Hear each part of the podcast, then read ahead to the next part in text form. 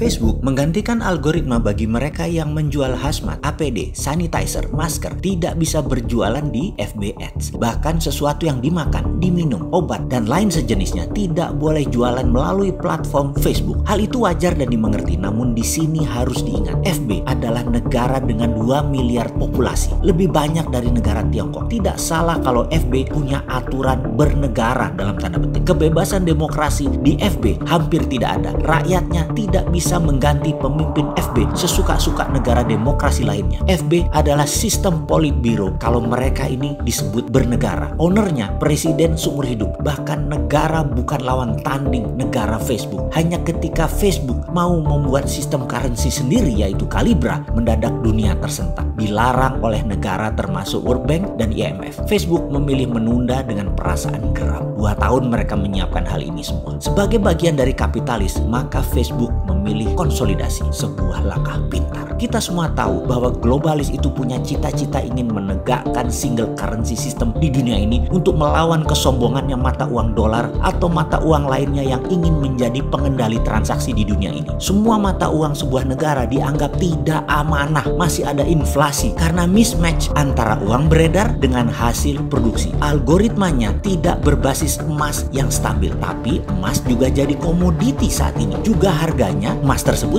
bisa dimainkan. Banyaknya, rumitnya, saling silangnya perebutan kekuasaan militer di dunia antara negara satu dengan negara yang lain membuat globalis punya pandangan lain melihat dunia saat ini. Mereka ingin juga menyudahi negara-negara atau kerajaan-kerajaan ini yang mereka anggap sudah tidak genah mengelola dunia selama 2500 tahun terakhir ini. Globalis punya mimpi, satu currency, satu sistem. Dan untuk melakukan hal ini, akankah mereka melakukan penggiringan opini akan COVID-19 ini? Percayakah bahwa tanpa sosmed, Instagram, Twitter, WhatsApp, Facebook, dan lain sebagainya, pencitraan COVID akan berbeda efeknya pada saat ini? Apakah ini disengaja? Terlepas COVID ini direkayasa atau tidak direkayasa, namun cuitan dan propaganda saling silang di sosmed mempengaruhi 80% pemikiran pengambil keputusan bernegara dan bermasyarakat. COVID mematikan atau tidak, dunia kesehatan menambah satu bahkan lebih item akan tindakan medis untuk penyakit efek COVID. Slowdown ekonomi dunia ini direkayasakah? Matinya dunia pariwisata, matinya dunia properti, matinya dunia kendaraan bermotor, juga matinya dunia transportasi udara saat ini. Tidak gampang merecovernya. Akan dibukanya PSBB hampir berbarengan di seluruh dunia, tetap membuat kalangan menengah atas enggan bergerak cepat. Kalangan menengah atas sangat aware dan waspada. Mereka kuat masih menunggu sampai akhir tahun pun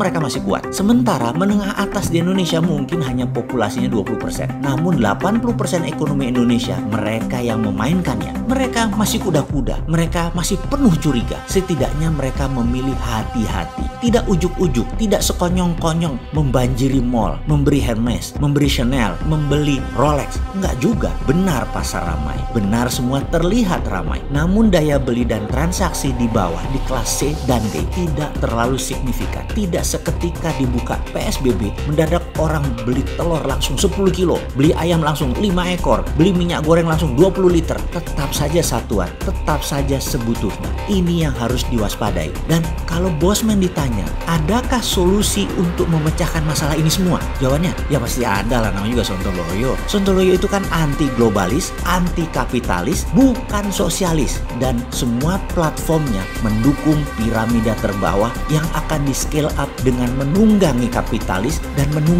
globalis. Itu solusinya. Mulainya dari mana? Dari melihat apa yang dilakukan oleh para globalis menggoyang dunia. Masih ingat pernyataan saya, di negara berkembang, tindakan teror adalah untuk mengganti kekuasaan. Di negara maju, tindakan teror itu adalah untuk mengganti kebijakan. Jadi, menjalankan reign of terror adalah bagian strategi perang yang saat ini globalis lakukan. Kejadian white supremacy rasisme yang didukung Presiden Amerika terhadap kulit berwarna menjadi gerakan nasional dan menjadi gerakan dunia. Hal ini akan menyulitkan Trump berperang dengan Cina. Dalam informasi saya sebelum ini, saya katakan kalau saya Xi Jinping, saya pasti sponsori kaki tangan saya atau saya akan bangun sleeping army kita yang di Amerika disiram dengan jutaan dolar agar gerakan itu terus menggoyang pemerintahan Trump dari dalam negeri. Jangan remehkan informasi sederhana ini, tapi percaya saya, Tiongkok sudah lakukan. Lalu modal besar ternyata drop juga oleh George Soros. George Soros hari ini bermain terang-terangan, bermain terbuka melawan Trump dan dia mensponsori gerakan kulit berwarna untuk turun ke jalan. Ini seru. Kemudian Joe Biden mulai melakukan serangan propaganda kampanyenya melalui semua media mainstream kecuali Fox News. Itu medianya Trump. Ini seru kan? Asli seru. Di tengah-tengah globalis bermain melawan Trump, Facebook merambah ke mana-mana. Bahkan masuk ke Indonesia. Sahabat, sudah mulai paham peta kekuatannya. Sekali lagi, Indonesia bagaimana strateginya? Bagaimana jurus Garuda menunggangi naganya? Bagaimana jurus Garuda menerkam elang? Bagaimana jurus Garuda mencengkram globalis? Kita tunggu tanggal mainnya.